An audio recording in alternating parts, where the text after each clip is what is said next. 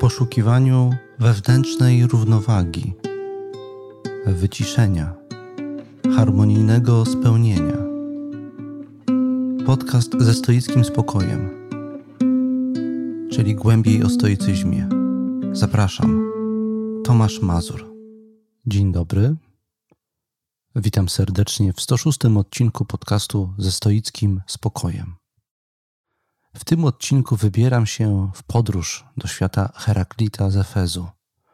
W trakcie tej podróży nie zabraknie oczywiście wątków stoickich.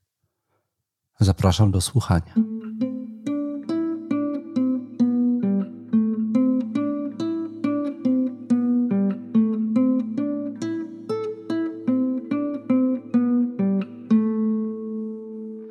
Zatem Przystępuję dzisiaj do kontynuacji cyklu, który zapowiedziałem po przekroczeniu liczby 100 nagranych odcinków. Cyklu, który ma na celu poszerzenie perspektywy. Tak to opisywałem wcześniej.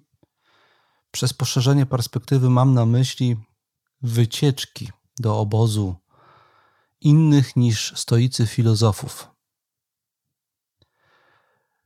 I chciałem tytułem wstępu powiedzieć jeszcze trochę o sensie tego rodzaju wycieczek.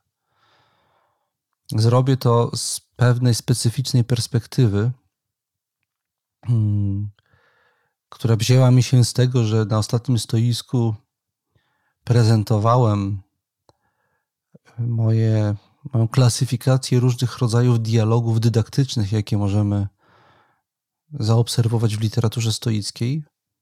Skojarzyło mi się to później z tym, rozmawiałem później o tym dużo z Jolą, że ja zawsze filozofię postrzegałem przede wszystkim jako dialog. Zacząć filozofować to wejść w dialog, z którego później właściwie nie da się już wyjść.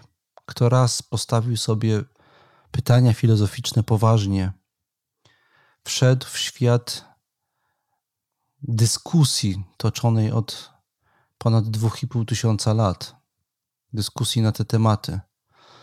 Ta dyskusja toczy się, trwa i nie wygląda, żeby miała się skończyć, albowiem wszystkie najważniejsze pytania w filozofii jako filozofii, filozofii jako dialogu wciąż pozostają otwarte.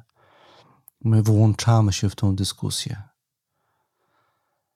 Przy czym uzmysłowiłem sobie, że można bliżej przyjrzeć się, jakie charakter mają różne dialogi filozoficzne, i e, okazało się, że można je podzielić na różne typy. Mnie się to przynajmniej tak jawi. I wyróżniłem sobie trzy typy takich typowych dialogów filozoficznych, których można doświadczyć zajmując się filozofią. Pierwszy, najbardziej podstawowy typ, który widzimy na przykład we wczesnych pismach Platona, gdzie prezentuje on, zdaniem niektórych historyków, w miarę wiernie postać Sokratesa. E, jest to też typ, którego doświadcza wielu początkujących filozofów e, i też wiele osób, które po prostu lubią filozofować dla samego filozofowania. Nazwałbym ten typ dialogu dialogiem poszukującym. Chodzi o taki sposób rozmawiania ze sobą, w ramach którego stawiamy sobie problem i w dwójkę bądź w jakimś większym gronie razem poszukujemy na ten problem, na to pytanie, które w ramach tego problemu stawiamy, odpowiedzi.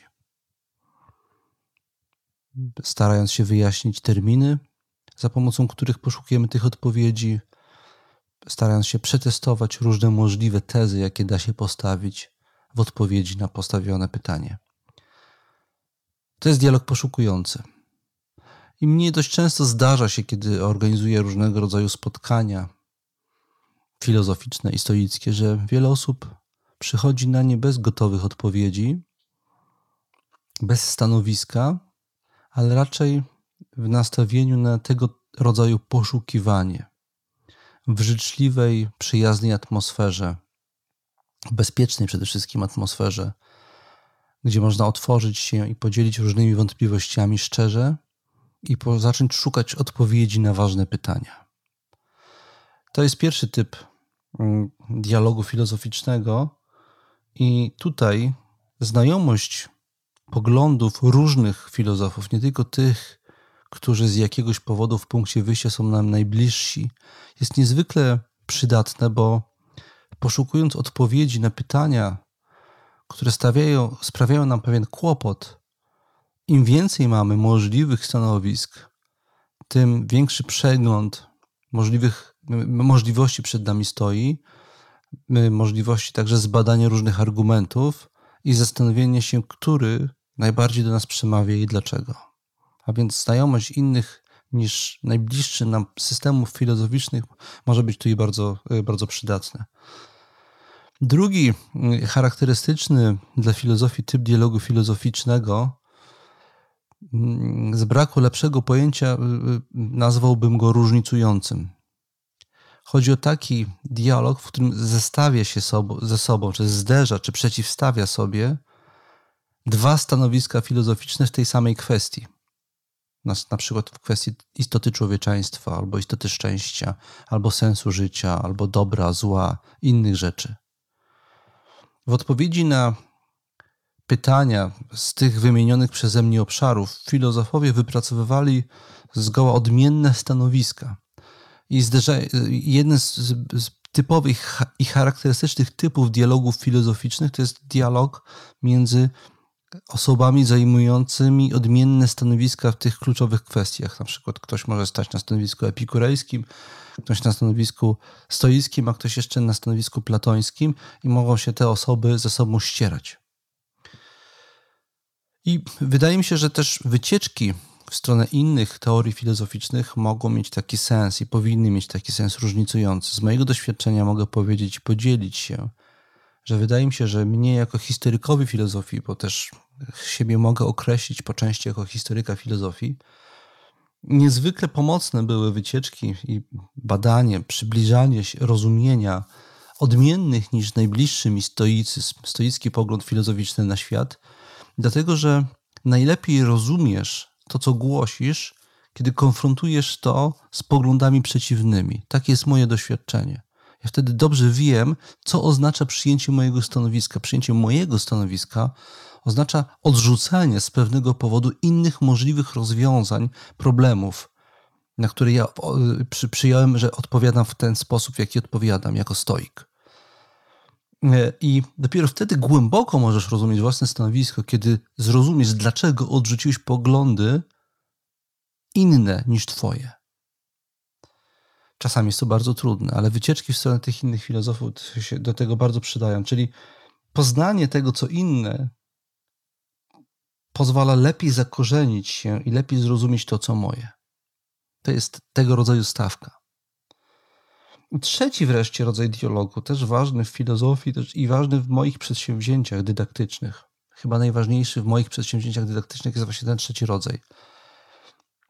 Nazwa, nazywam to rodzajem dialogu uspójniającego, który toczy się między osobami przyjmującymi ten sam albo bardzo podobny światopogląd, ten sam pogląd w jakiejś kwestii, ale potrzebującymi uspójnić ich rozumienie tego poglądu w kwestii przykładów, które dobrze go wyrażają, pojęć, których używają, a także procedur działania, które z niego wynikają. Przykładem bardzo prostym tego typu dialogu y, są rozmowy, jakie ja toczę z różnymi współczesnymi praktykującymi stoikami na temat istoty rozróżnienia na zależne i niezależne jeżeli jestem praktykującym współczesnym stoikiem, to, jest to, dla, to musi to rozróżnienie być dla mnie jakoś fundujące i podstawowe. Ale okazuje się, że dzisiaj bardzo trudno jest dobrze je wyjaśnić, to po pierwsze, w związku z szeregiem wątpliwości, jakie wysuwa pod adresem tego rozróżnienia współczesny stan wiedzy o człowieku, na przykład, ale też cały szereg stereotypów i przesądów na temat tego, jaki jest człowiek, a z drugiej strony bardzo ciężko jest jednoznacznie ustalić, gdzie jest ta granica. I przez dialog uspójniający rozumiem taką rozmowę między współczesnymi stoikami stojącymi na, na stanowisku takim, że to jest kluczowe rozróżnienie, co dialog mający na celu uspójnić i ustalić, co to właściwie dzisiaj dla nas znaczy. Tak rozumiem filozoficzny dialog uspójniający. Mm, to, to powiedziawszy, chcę powiedzieć, że sensem dzisiejszego e, odcinka, e, głównym sensem dzisiejszego odcinka jest przeprowadzenie dialogu różnicującego, częściowo przynajmniej, ale częściowo także takiego dialogu, który pozwala uspójnić, bo dostarcza narzędzi pojęciowych do zrozumienia tego, co właściwie antyczni stoicy w pewnym momencie głosili i dlaczego.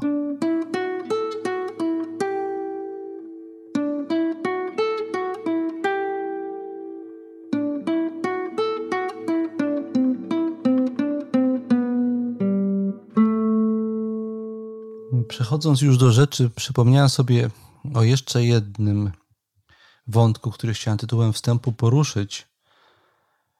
Mm, ja kiedyś zwykłem używać pewnej metafory i przypomina, przypomniało mi się teraz, że ona w stosunku do Heraklita z Efezu jest bardziej aktualna, stosowna niż w stosunku do wielu innych filozofów. Mówiłem i pisałem niekiedy, że zajmowanie się wnikliwsze poglądami jakiegoś filozofa jest niczym podróż do jakiegoś egzotycznego kraju, w którym ludzie mają zupełnie inne niż nasze obyczaje, inaczej żyją, myślą i zachowują się. Powiada się często kolokwialnie, że podróże kształcą, ale są różne podróże. Podróże o charakterze turystycznym, krajoznawczym, fizyczne podróże w świecie, które nas otacza, w przestrzeni, która nas otacza. Ale są też podróże duchowe. Uważam, że lektura dobrej książki jest taką podróżą, a już w szczególności podróżą, a może nawet zamieszkaniem, są w jakiejś obcej, dziwnej krainie. Jest wnikliwsze przestudiowanie poglądy jakiegoś filozofa, zwłaszcza takiego, który żył dawno i o którym niewiele wiemy, o którym się możemy wiele rzeczy domyślać. Mówię, że jest to podróż do egzotycznej krainy, dlatego, że daje nam tą możliwość zapoznania się z poglądami takiego, takiej osoby, daje nam to możliwość zobaczenia, że o pewnych rzeczach można myśleć zupełnie inaczej niż my dzisiaj myślimy. Że być może nasz sposób patrzenia na świat nie jest tak oczywisty, obiektywny, naturalny, jak nam się wydaje, bo na to wszystko, co nas otacza, można spojrzeć w zupełnie inny sposób. I to jest bardzo cenne doświadczenie, Szczególnie ono jest dojmujące w przypadku Heraklita, który był nie przypadkiem nazywany ciemnym filozofem. Powiem zaraz dlaczego. Zacznę od biografii. On żył, Heraklit z Efezu żył na przestrzeni, na przełomie VI i V wieku przed naszą erą. O jego życiu niestety niewiele wiemy z pewnych powodów, kilku powodów. Po pierwsze, nie wiemy wiele, bo żył bardzo dawno i nie mam wiarygodnych podań na, na temat jego życia. Po drugie, jest wiele przesłanek na rzecz tego, że ze względu na pewnego rodzaju wyższościowy stosunek do innych ludzi, możliwe nawet, że był Heraklit mizantropem, o to się go podejrzewa. Z tego powodu mm, relacje na jego temat e, prawdopodobnie są zniekształcone przez niechęć i złość. Mm, nie można traktować ich jako miarodajnych. I tak na przykład Diogenes Laertios, jedno z najstarszych starożytnych historycznych źródeł, które w sposób wszechstronny omawia poglądy kolejnych filozofów, mm, przedstawia następującą notatkę na temat e, Heraklita. E, czytamy tam u tego autora, cytuję, Heraklit z Efezu, syn Blosona lub Herakonta, według niektórych w kwiecie wieku był w 69. olimpiadzie. Był nadzwyczaj wzgardliwy i pyszny, co widać również w jego dziele, gdzie pisze, cytuję, Wiedza o wielu rzeczach nie uczy rozumności, byłaby bowiem nauczyła Hezjoda i Pitagorasa, a także Ksonofanesa i Hekatajosa. Koniec cytatu. Znienawidziwszy wreszcie ludzi i odsunąwszy się od świata, zamieszkał w górach, żywiąc się trawami i roślinami. Kiedy zapadł przez to na puchlinę wodną, zszedł do miasta i w zagadkowy sposób pytał lekarzy, czy potrafią uczynić suszę z ulewy. Nie rozumieli go, zagrzebał się więc w oborze, mając nadzieję, że dzięki ciepłu łajna choroba wyparuje. Nic jednak w ten sposób nie zdziaławszy, zmarł w wieku lat 60. Koniec cytatu. Prawie nic prawdopodobnie w tym cytacie nie jest zgodne z faktami, zdaniem historyków. Prawdopodobnie wszystko jest to wyrafinowaną satyrą na poglądy Heraklita, bo każde ze zdań dotyczących jego życia ma jakieś nawiązanie do któregoś z jego poglądów, które e, nie, nie, nie, nie w oczach wszystkich spotkały się z uznaniem. Jeżeli chodzi o życiorys Heraklita, to na pewno możemy wiedzieć jedynie to, że pochodził e, z arystokratycznego rodu, stąd być może to jego, e, te jego wyższościowe skłonności też że żył w Efezie i że nie miał prawdopodobnie najlepszych stosunków ze współobywatelami. Przypuszczalnie i, i jest bardzo prawdopodobne, że faktycznie był mizantropem. Tyle o nim wiemy, a więc bardzo niewiele. Co jeszcze możemy powiedzieć? Te tytuły wprowadzenia do Heraklita Chyba to chyba może wyjaśnię, dlaczego był uważany za ciemnego filozofa. To ma trochę związek y, z tym, co mówiłem wcześniej. On był uważany za ciemnego filozofa z tego powodu, że pisał w sposób niejasny. Operował głównie aforyzmami, przynajmniej one przetrwały, i nie przetrwały w jakiejś spójnej, ułożonej oryginalnie przez niego całości. Prawdopodobnie stworzył dzieło filozoficzne mm, pod tytułem O naturze. Jest to bardzo prawdopodobne, chociaż nie ma pewności, i z tego dzieła w literaturze starożytnej u innych powołujących się na niego autorów mamy różne fragmenty. Wiele z nich były, było zniekształconych. Niestety zawinili tutaj też znacznie stoicy. Y, stoicy się bardzo mocno w pewnym okresie powoływali na Heraklita, na niektóre jego poglądy, na które za chwilę powiem więcej i dlaczego. Mm, przy czym nieco te poglądy prawdopodobnie naginali do swoich, żeby lepiej pasowały. Było tak z dwóch powodów. Y, w tamtej epoce powołanie się na uznany już naukowo autorytet, a w czasach, kiedy powstawał stoicyzm, Heraklit się cieszył e, poważaniem mm, i autorytetem. Powołanie się na taki autorytet podnosiło w oczach odbiorcy wagę nowej doktryny. Dlatego, jeżeli stoicy mogli powołać się w tym, co głosili, na jakieś antyczne autorytety, takie jak Homer, Hezjot czy Heraklit, co robili dość często, miało nobilitować ich własną doktrynę i robili to. Często y, nieco nadinterpretowując, a wręcz wkładając w usta e, starożytnych autorytetów poglądy, których oni nie głosili. To jest jeden z powodów, to jest pierwszy powód, dla którego do takich zniekształceń dochodziło.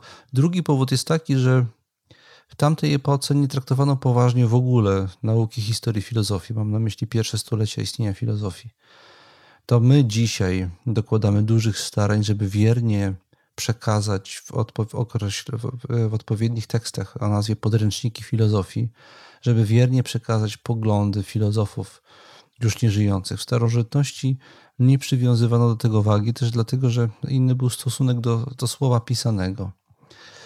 E, z jednej strony w ogóle nie ufano słowu pisanemu, z drugiej strony książki były przepisywane.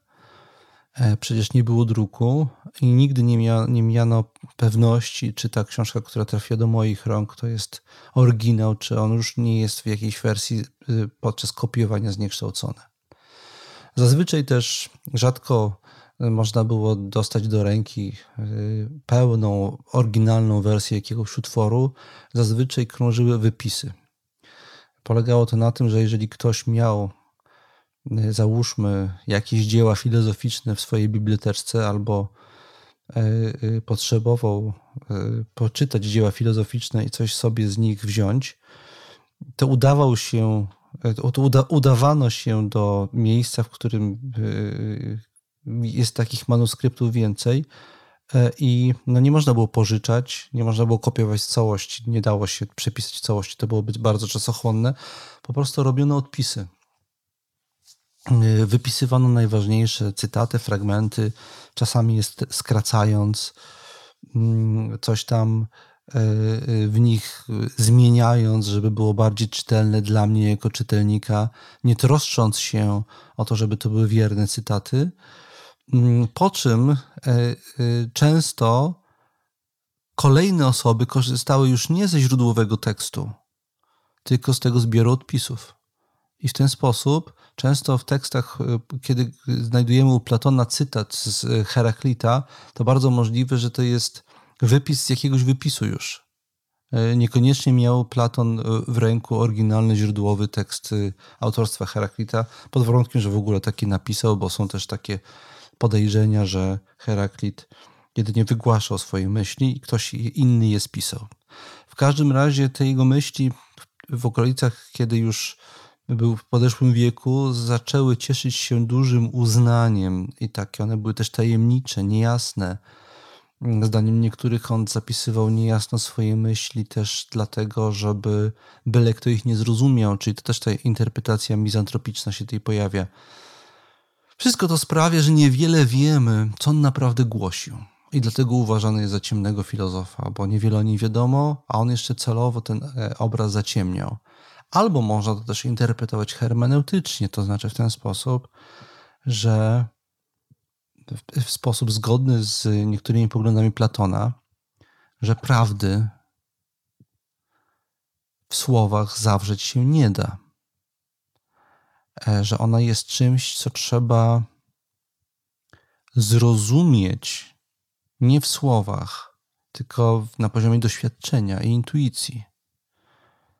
W słowach można je naprawdę jedynie naprowadzić. Niektóre z aforyzmów Heraklita wprost na taką interpretację wskazują. Za chwilę do nich przejdę.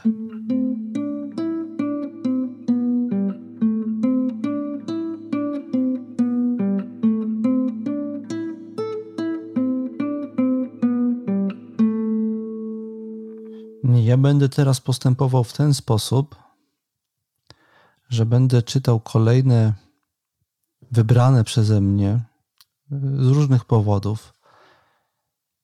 Aforyzmy Heraklita przypisywane mu i zweryfikowane przez współczesnych badaczy, że najprawdopodobniej właśnie w tej wersji przedstawił je Heraklit. I każdy z tych aforyzmów będę komentował w sposób własny, autorski, starając się wyjaśnić przy tej okazji, co prawdopodobnie mógł mieć na myśli Heraklit, czasami to zawieszając też to wyjaśnienie, proponując Wam, żebyście się zastanowili, co to mogło znaczyć. I w niektórych miejscach też będę robił nawiązania do stoicyzmu, wskazując, w jaki sposób ten fragment mógł zainspirować filozofię stoicką, jakie motywy obecne w danym fragmencie widzimy także i w jaki sposób później w filozofii stoickiej.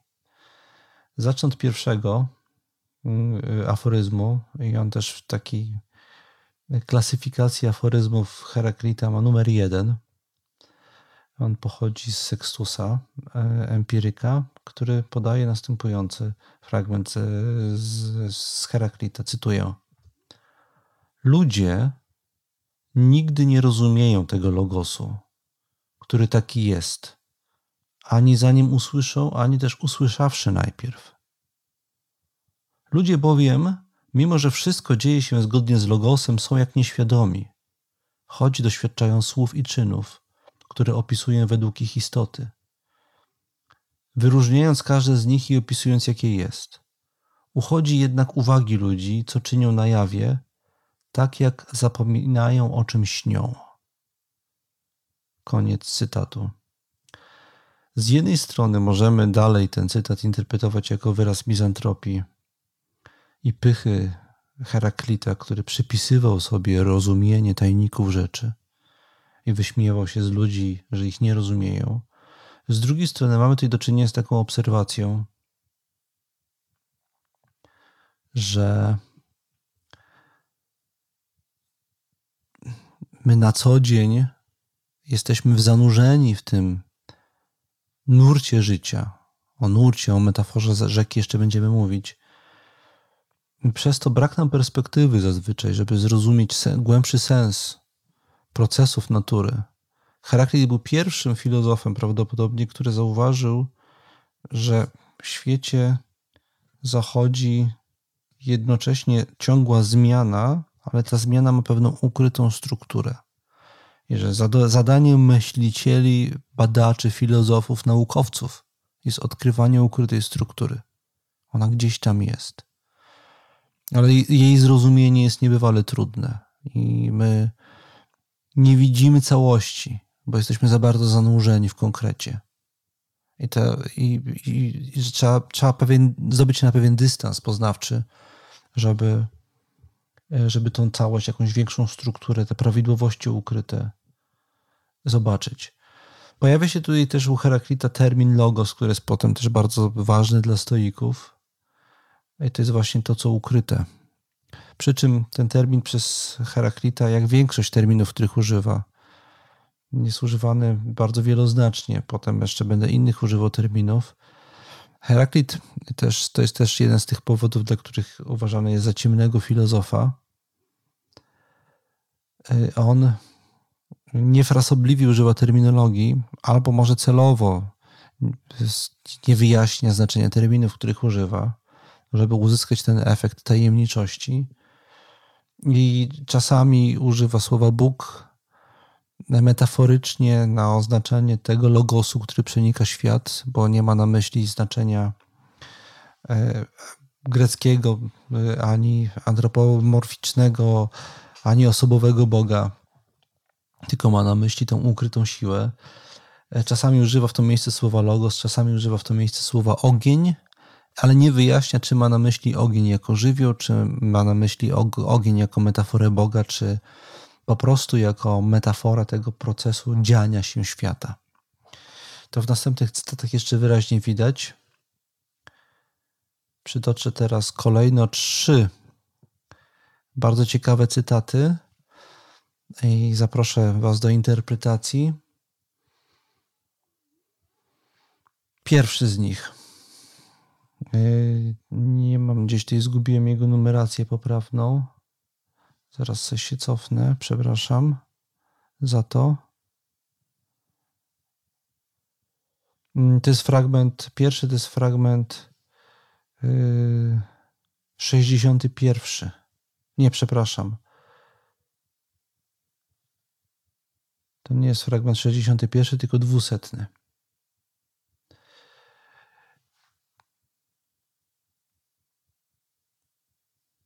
Nie, ja źle, źle podałem. To się, to się tutaj e, bije w pierś. E, już teraz wiem, to jest fragment z Hipolita, to jest fragment 60. On, e, ty, tak się nie zatrzymałem, przepraszam na, za to dłużej, bo jest to jeden z moich ulubionych fragmentów, który można interpretować albo bardziej dosłownie, i tutaj takiej bardziej dosłownej interpretacji zarzuca się trywialność, albo jako coś bardzo tajemniczego, naprowadzającego nas na jakąś ukrytą prawdę, ale jaka to jest prawda, to każdy czytelnik, czytelniczka musi sam to odkryć.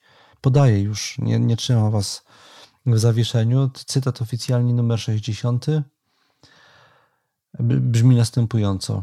Droga w górę i w dół jest jedna i ta sama. Koniec cytatu. Powtórzę, bo jest krótki, można to powtórzyć bez dłuższego nakładu czasu. Droga w górę i w dół jest jedna i ta sama. Zanim niektórych komentatorów, trywialna interpretacja jest taka, że chodzi o to, że jak jest wzgórze, to osoby, które mieszkają na wzgórzu, żeby dostać się, załóżmy, do centrum miasta, muszą iść w dół. Ale osoby, które mieszkają w centrum miasta i chcą w odwiedziny iść na górę, muszą iść w górę, ale droga jest ta sama. Tylko, że dla niektórych jest to droga w górę, a dla innych w dół. I teraz to naprawdę można na wiele sposobów interpretować. Yy, albo w ten sposób, że jedno doświadczenie, jedno miejsce, jedna rzecz, w zależności od kontekstu, może być tym samym i przeciwnym. I tak jest z każdym doświadczeniem w życiu. Albo można to interpretować w tym, że w życiu doświadczamy w ten sposób, że w życiu doświadczamy wielu przeciwieństw, ale na pewnym głębszym poziomie one się uzupełniają i są tym samym. O czym świadczą inne cytaty, na przykład fragment 111 brzmi tak: Choroba uczyniła zdrowie przyjemnym i dobrym, głód sytość, a trud odpoczynek. Gdybyśmy się nie trudzili, nie doświadczylibyśmy przyjemności odpoczywania. Gdybyśmy nie byli głodni, sytość nie byłaby tak przyjemna. I tak jest z każdymi przeciwieństwami, że one sobie przeczą pozornie, na głębszym poziomie się uzupełniają i stanowią jedność tego samego. Kolejny cytat w tym samym duchu, to jest fragment 88. I tak to samo istnieje w nas żyjące i martwe, przebudzone i śpiące, młode i stare. Te bowiem odmieniwszy się są tamtymi, a tamte odmieniwszy się są tymi. My w życiu jesteśmy młodzi i starzy, i ja w sobie, będąc w pewnym wieku, mam to, co było we mnie młode, ale jednocześnie mam w sobie to, co już jest niemłode i te rzeczy się uzupełniają. Jedno zawdzięcza z siebie drugiemu. Żeby być starym, trzeba być najpierw młodym. I odwrotnie. Żeby przyszło młode, musi stare odejść. Świat jest pełen tego rodzaju napięć i one się, są przeciwieństwami, tak jak powiedziałem, tylko pozornie. Teraz pójdę dalej do następnych cytatów. Teraz cytat Y, y, który ma w, w, w nomenklaturze numer 10 y, i on brzmi następująco. Rzeczy wzięte razem są całościami i niecałościami, czymś niesionym razem i roznoszonym w różne strony, zestrojonym i niezestrojonym. Ze wszystkich rzeczy jedność, z jedności wszystkie rzeczy jest kolejny aforyzm mówiący o tym, że u podstaw tego dziania się świata, tych wszystkich konfliktów, sprzeczności, zmian i różnic, u podstaw jest jedność, która to wszystko prowadzi i nadaje temu spójność. Ten świat się nie rozpada, jest cały czas jeden i ten sam. To jest też motyw bardzo silny w stoicyzmie, którzy mówią o tym nieustannie, że świat z jednej strony jest cały czas w procesie, Y, jest tym takim płynnym ogniem przelewającym się, kipiącym, produkującym nieustannie nowe kształty, ale to wszystko dzieje się w ramach pewnej ukrytej struktury. Mm, I z tej intuicji ukrytej struktury później w stoicyzmie wykształciła się koncepcja pewnych praw empirycznych rządzącym światem, i następnie w renesansie z tego się wykształciły prawa nauki. To się zaczyna tutaj u Heraklita. Ta intuicja, że u podstaw wielości i zmiany jest jakaś jedna miara, jedna harmonia, którą on nazywa logosem. Kolejny cytat z tego samego ducha, w 67. Cytuję: Bóg jest dniem, nocą, zimą, latem, wojną, spokojem, sytością, głodem, wszystkimi przeciwieństwami. Zmienia się jak ogień, kiedy zmieszany z ziołami, nazwany zostaje według zapachu każdego z nich. Koniec cytatu. Zobaczcie, jaki piękny jest ten cytat.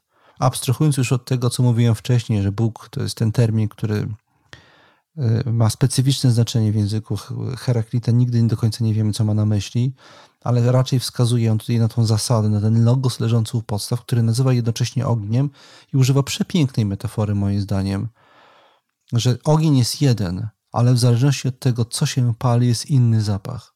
I tak jest z każdymi rzeczami. Każda rzecz jest niby inna, ale każda płonie tym samym ogniem. Mm, tak mnie tutaj trochę metaforycznie poniosło, ale jak się wczytujemy w Heraklita, to można naprawdę bardzo ciekawe rzeczy odnaleźć.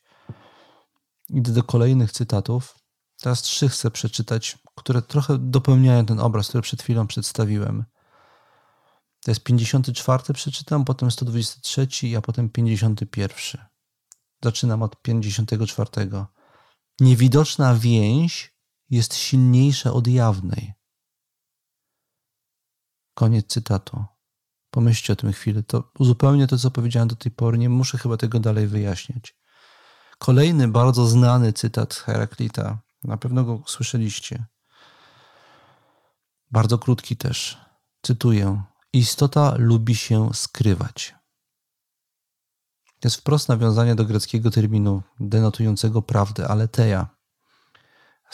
To znaczy to, co nieskryte, to, co odkryte.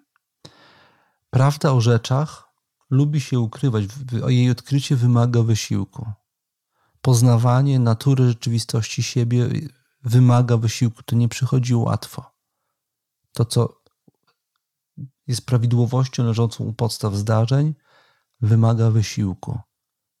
Wymaga dystansu, tak jak powiedziałem wcześniej. No i, i kolejny fragment, 51,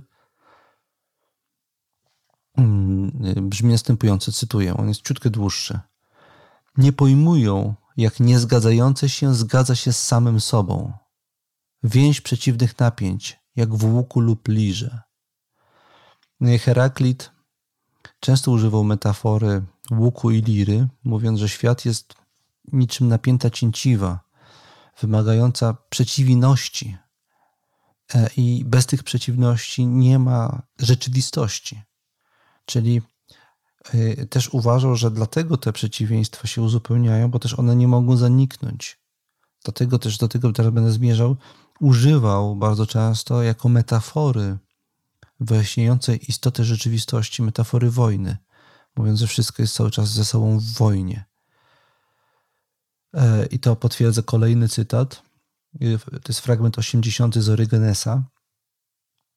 Mm, to już jest źródło chrześcijańskie. Krytyczne w stosunku do Heraklita. Nie przypadkiem. E, I Hipolit też, też źródło chrześcijańskie, też krytyczne w stosunku do Heraklita, ale, ale przytacza go prawdopodobnie stosunkowo wiernie w tym fragmencie. Cytuję dwa kolejne fragmenty właśnie o wojnie. Trzeba wiedzieć, że wojna jest powszechna. Słuszność jest sporem, a wszystko dzieje się zgodnie ze sporem i koniecznością. Koniec cytatu z Orygenesa 80. E, Hipolit podaje natomiast bardziej dosadnie. Cytuję. To jest fragment 53. Wojna jest ojcem wszystkich, wszystkich królem. Jednych ukazuje jako bogów, innych jako ludzi. Tych czyni niewolnikami, tamtych wolnymi. Koniec cytatu. Podstawowe prawo rzeczywistości wyraża się w nieustannym konflikcie, ale bez tego nieustannego konfliktu nie ma napięcia, a bez napięcia nie ma rzeczywistości. Tak jest koncepcja Heraklita. Widzicie teraz, dlaczego inspirowali się z nim, z nim późniejsi filozofowie, którzy głosili podobne rzeczy. Hegel uważał, że wojna jest motorem napędzającym rzecz, świat, popychającym go naprzód. Nietzsche także, Fryderyk Nietzsche też inspirował się Heraklitem. Wielu też filozofów postmodernistycznych nawiązywało do Heraklita, takich jak Derrida, podkreślających motyw dekonstrukcji jako uzupełnienie konstrukcji. My, wydaje nam się, mówią e, postmoderniści, że celem namysłu nad rzeczywistością jest konstruowanie, wyjaśnianie, podczas gdy równie istotnym celem jest dekonstruowanie. To są dwa przeciwstawne cele, które się uzupełniają. To jest myśl heraklitejska. Kolejne cytaty, ty przy, przy, zamilkłem, bo przekładam sobie strony w moim czytniku, z którego korzystam. Mm, kolejne cytaty. E, e, teraz będzie cytat mm, zapowiedziany te, dotyczący tego obrazu rzeki. To jest e, fragment dwunasty Zarejosa Didymosa, przytaczanego tutaj już wielokrotnie przeze mnie w innym kontekście. I on podaje następujący fragment Na wchodzących do tych samych rzek różne i, i różne napływają wody. Rozpryskują się i zbierają, gromadzą się i odpływają, zbliżają i oddalają. Jest taki, jest taki filozof, który był Heraklitejczykiem, kontynuatorem myśli Heraklita, nazywał się Kratylos, który znany był z tego, że powiedział, że nawet raz nie można wejść do tej samej rzeki, nie tylko dwa razy. Heraklit przytacza się jego, jego też to powiedzenie, że nie można e, dwa razy wejść do tej samej rzeki, bo to już są inne wody, a Kratylos ten motyw zmiany jeszcze pogłębił, wzmocnił i powiedział, że nawet raz nie można wejść, bo wchodząc wszystko się zmienia, cały czas te wody są inne, nawet jak jesteśmy raz w tej rzece i my też cały czas się zmieniamy, wszystko w świecie się cały czas zmienia. Podobno też miał powiedzieć Kratyros, że nawet nie można ruszyć palcem, bo jak zaczynamy ruszyć palcem, to jesteśmy kim innym niż kiedy kończymy go ruszać, ten palec. Kolejny cytat w tym samym duchu i według niektórych nie jest tak, że z istniejących rzeczy pewne się poruszają, a inne nie, lecz wszystkie i zawsze, ale uchodzi to naszej uwagi. Niektórzy komentatorzy mówi, interpretują to też w taki antropologiczny sposób, że to dotyczy właśnie także człowieka. Nigdy nie jesteśmy tacy sami, cały czas jesteśmy w procesie zmiany. Ja nie jestem ten sam, kim, jaki byłem wczoraj czy przedwczoraj, zanim Heraklita, tylko cały czas jesteśmy w procesie zmiany. Mm, czy z, z tego też czerpali stoicy? Powiedziałem, że y, podzielali z, y, pogląd heraklitejski o tym, że wszystko jest w ruchu i że my tylko w sposób przybliżony uchwytujemy rzeczywistość i pojęcia, za pomocą których tą rzeczywistość opisujemy, uchwytujemy tylko w sposób przybliżony. Na tym, w ten sposób stoicy y, jakoś nawiązują do Heraklita. Mm, natomiast chyba też byli stoicy świadomi tego, że w człowieku jest nieustanna zmiana, ale także jest coś niezmiennego. Zdolność do namysłu nad naszym doświadczeniem, które cały czas się zmienia. I w tej zdolności do namysłu jest ta perspektywa i to zatrzymanie heraklitejskie. Czyli ten motyw miary i logosu stoicy przekształcają w ideę e, osoby, która w sposób refleksyjny poddaje swoje doświadczenie namysłowi. Tak bym to zinterpretował.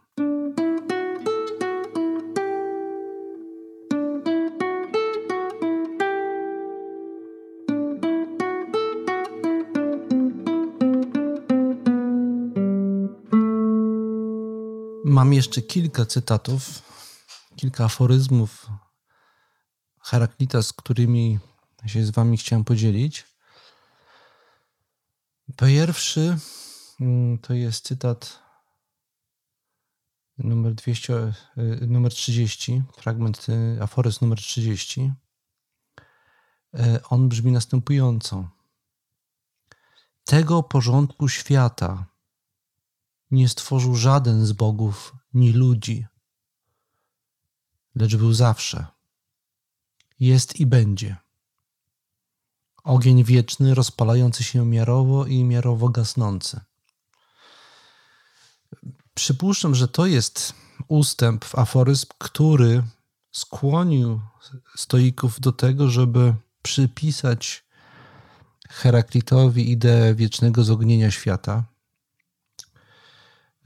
ektopyrozis. Ale tak jak powiedziałem wcześniej, to jest jeden z tych momentów y, nadużyć interpretacyjnych dokonanych przez stoików na Heraklicie, bo z tego to logicznie nie wynika. Raczej z tego wynika, że stan świata, w którym jesteśmy teraz, jest odwieczny, że on się nie zmieni, że ten świat nie zmierza do niczego, co jest gdzieś za horyzontem, co jest jego ukrytym sensem.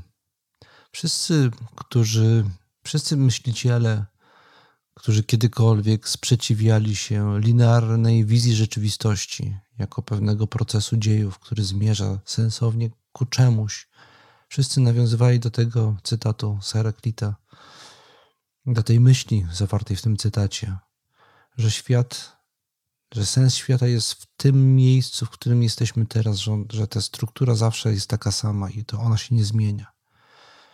E, tym, co w niej jest obecne zawsze, jest ta sama miara. Inny cytat, tajemniczy zdawałoby się, chociaż być może nie jest aż tak bardzo tajemniczy, to jest fragment 64 też z Hipolita, brzmiący, cytuję, wszystkim kieruje błyskawica. Przypomnę, że później do tej metafory błyskawicy też nawiązywali stoicy, mówiąc, że porównując Zeusa w, w niektórych fragmentach bardziej takich quasi-religijnych, stoickich właśnie do błyskawicy, że on jest przenikającym wszystko błyskawicą. Jest to wprost nawiązanie właśnie do Heraklita. Geneza tego aforyzmu prawdopodobnie jest taka, że Heraklit zgodnie z poglądami, jakie wtedy głoszono na, tem, na, na, na temat natury ognia, uważał, że ogień ma różne postaci i oprócz takiej fizycznej, znanej nam z bezpośredniego doświadczenia postaci, oni przyjmowali starożytni myśliciele mówiący o czterech żywiołach, przyjmowali, że ogień może mieć też postać bardziej eteryczną, bardziej nieuchwytną i wtedy on jest biały, taki jak błyskawica. Błyskawica to jest jakby pęknięcie w świecie, przez które przenika trochę tego eterycznego, kierującego z ukrycia wszystkim odwiecznego ognia. To jest ta sama intuicja, o której mówiłem wcześniej u Heraklita, że istnieje jakaś ukryta reguła rządząca światem. Ona przyjmuje postać ognia, a ściśle rzecz biorąc eterycznego ognia ujawniającego się pod postacią błyskawicy, między innymi. Tak należy to chyba interpretować. Choć, tak jak powiedziałem wcześniej, tych możliwych interpretacji Heraklita jest prawdopodobnie znacznie więcej. Dwa aforyzmy z obszaru szeroko rozumianego namysłu astronomicznego Heraklita. Większość jego poglądów z tego zakresu nie wytrzymuje próby czasu. Okazuje się, że są bardzo, bardzo naiwne zwłaszcza gdzie mówi o Słońcu, że to jest pewnego rodzaju misa gromadząca energię jakąś i dlatego wydaje nam się, że jest okrągłe.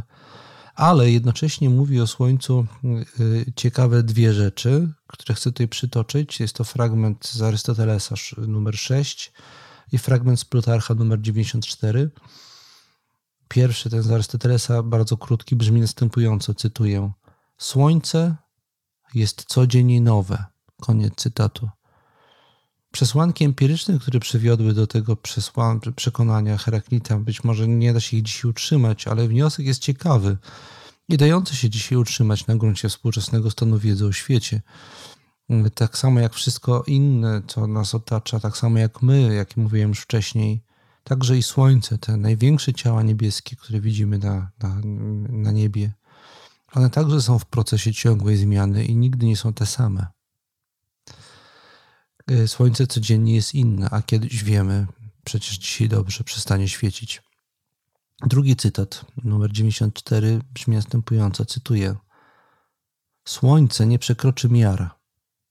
Jeżeli się jednak tak zdarzy, Erynie, służebnice Dike znajdą je. Koniec cytatu. Jest to piękny cytat. Jak na tamte czasy przełomowy pod wieloma względami.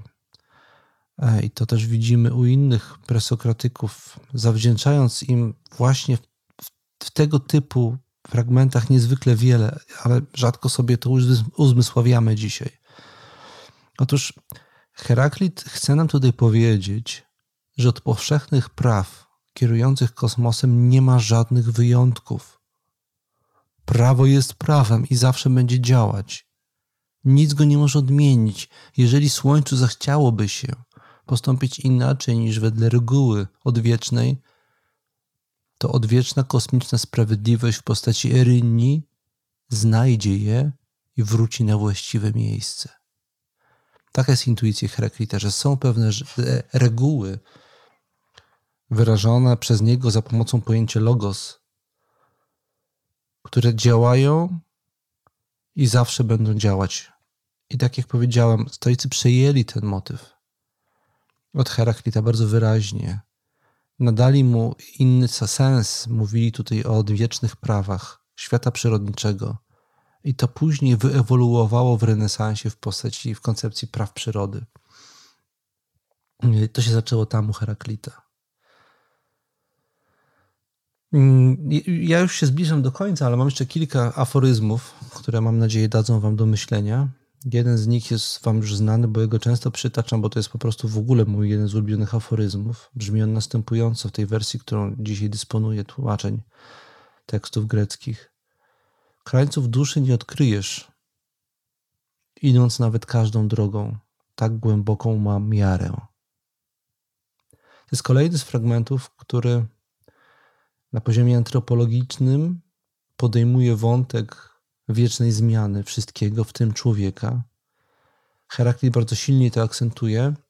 I tutaj między nimi a stoikami jest z jednej strony podobieństwo, a z drugiej strony różnica, bo stoicy jednak wierzą w możliwość zachowania w człowieku pomimo zmiany czegoś niezmiennego.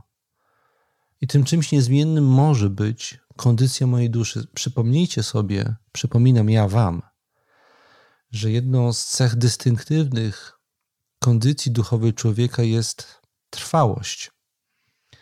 Jak zachować trwałość w ciągle wiecznie zmieniającym się świecie? Odpowiedź na to jest jedna: zobowiązanie. Ja się nie zmieniam, bo postanowiłem się nie zmieniać.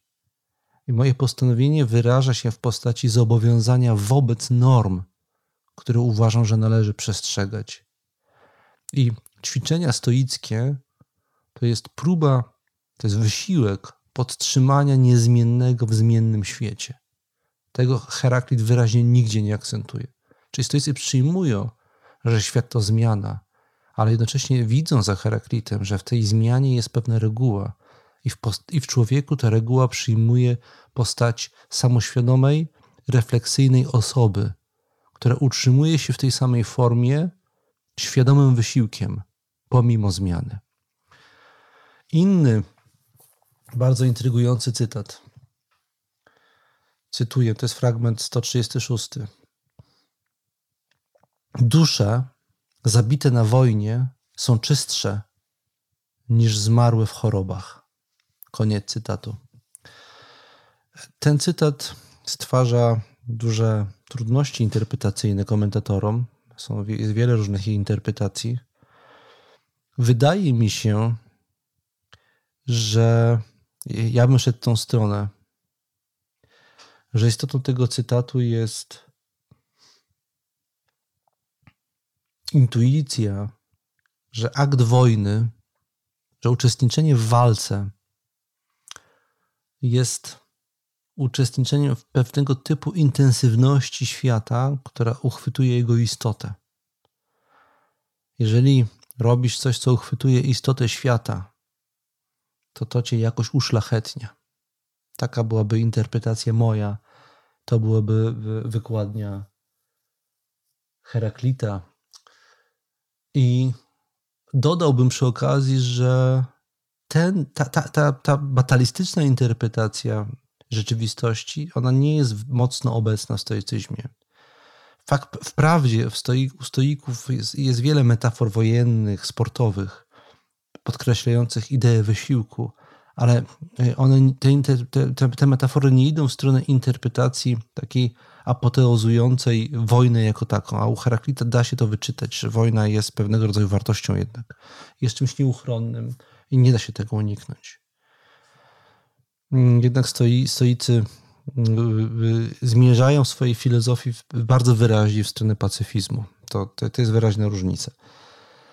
Cytat, który potwierdza enigmatyczność filozofii Heraklita, enigmatyczność, którą jednak stoicy starają się przezwyciężyć. To jest cytat numer 93 i brzmi on następująco, cytuję.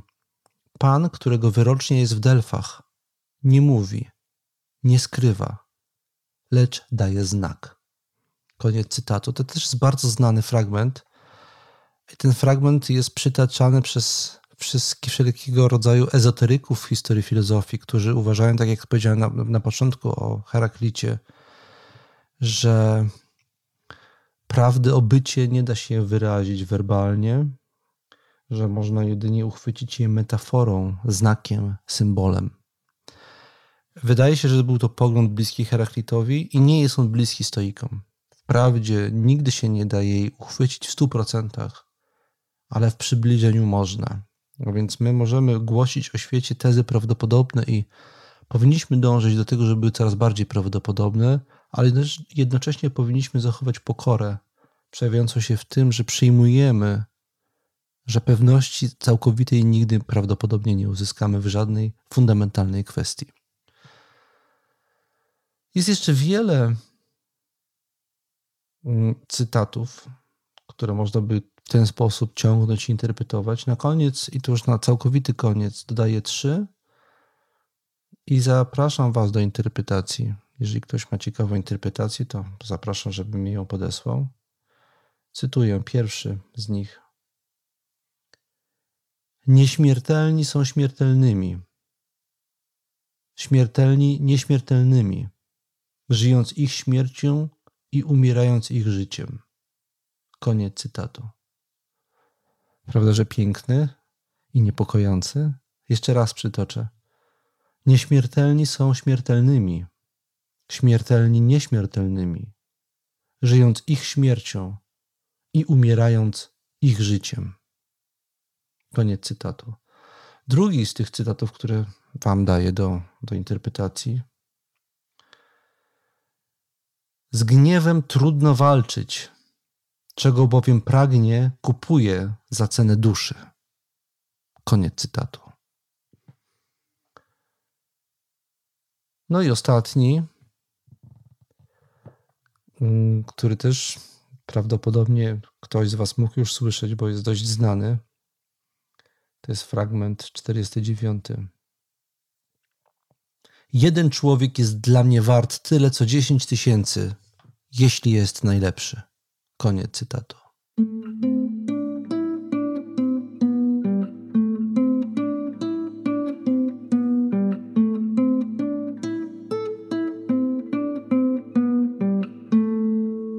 Powoli zmierzam już do końca dzisiejszego odcinka. Zanim prze, przejdę do podziękowań, jeszcze dwie rzeczy, krótkie podsumowanie e, tego, co było dzisiaj i krótka zapowiedź tego, co będzie w następnym odcinku podcastu. Więc jeżeli chodzi o dzisiejszy odcinek, to na koniec trzeba y, powiedzieć, podsumować, że filozofia heraklitejska y, to jest taki specyficzny zbiór dość ogólnych i celowo niejasnych, wieloznacznych twierdzeń na temat natury rzeczywistości człowieka, takich przy tym twierdzeń, które nie są dodatkowo zaopatrzone w uzasadnienia Mm, Heraklit nie uzasadnia swoich twierdzeń, on je po prostu podaje. Stąd takie poczucie pewnej apodyktyczności i wyższości. Mm, tak jakby to było bardziej kazanie niż, niż wywód filozoficzny.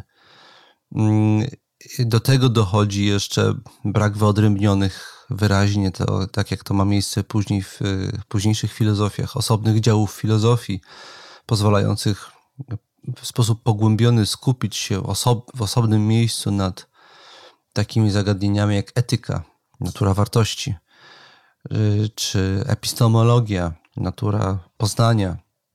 Tego wszystkiego Heraklita oczywiście jeszcze w tamtym okresie nie było.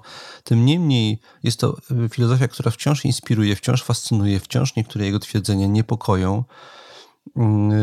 I jak widzieliście, e, były też one, stanowiły źródło inspiracji stoickiej, zwłaszcza pojęcie logosu, pojęcie przenikającej wszystko miary, mm, pojęcie ognia, które było metaforycznie, ale też nie tylko metaforycznie przez Heraklita używane. Te wszystkie elementy przeniknęły do filozofii stoickiej. Mm, jeżeli chodzi o zapowiedź, to tyle jeżeli chodzi o Heraklita. Mam nadzieję, że mm, to Wam się na różne sposoby przyda to nawiązuje do tego, od czego zacząłem dzisiejszy odcinek. Mm, jeżeli chodzi o zapowiedź, przygotowałem dla Was i nie tylko dla Was pewne wyzwanie noworoczne. Będzie się ono nazywało Zadanie Stoickie. I to będzie temat następnego odcinka, więc chciałbym, żebyście się przygotowali. Pewne elementy podstawowe ogólny opis tego zadania już dzisiaj zawrę w dodatku dla patronów i patronek do e, e, tego podcastu. Więc e, przygotujcie się, bo chciałbym Wam zaproponować pewne stoickie wyzwanie, które można interpretować także jako pewne stoickie ugruntowanie praktyki. Ale o tym w następnym odcinku. A dzisiaj za uwagę bardzo serdecznie już dziękuję.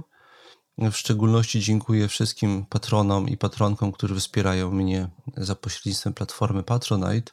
Najbardziej hojnym z nich podziękuję z imienia, przynajmniej tym, którzy wspierają mnie nieanonimowo. Jest to Jacek Byrt, Ludwik Sinica, Łukasz Mandzyn, Zbigniew Celej, Asenata Szczesny, Iwona Jóźwińska, Bartosz Szarowar, Hubert Dąbrowski, Mateusz Koj, Jakub Barański, Mateusz Olczyk, Adam Mikuta, Michał Mazur, Tomasz Kuczyk, Michał Lemurski, Justyna Metryka, Wiktor Wadelski, Jolanta Księżak, Beata Stańczak i Piotr Skronik.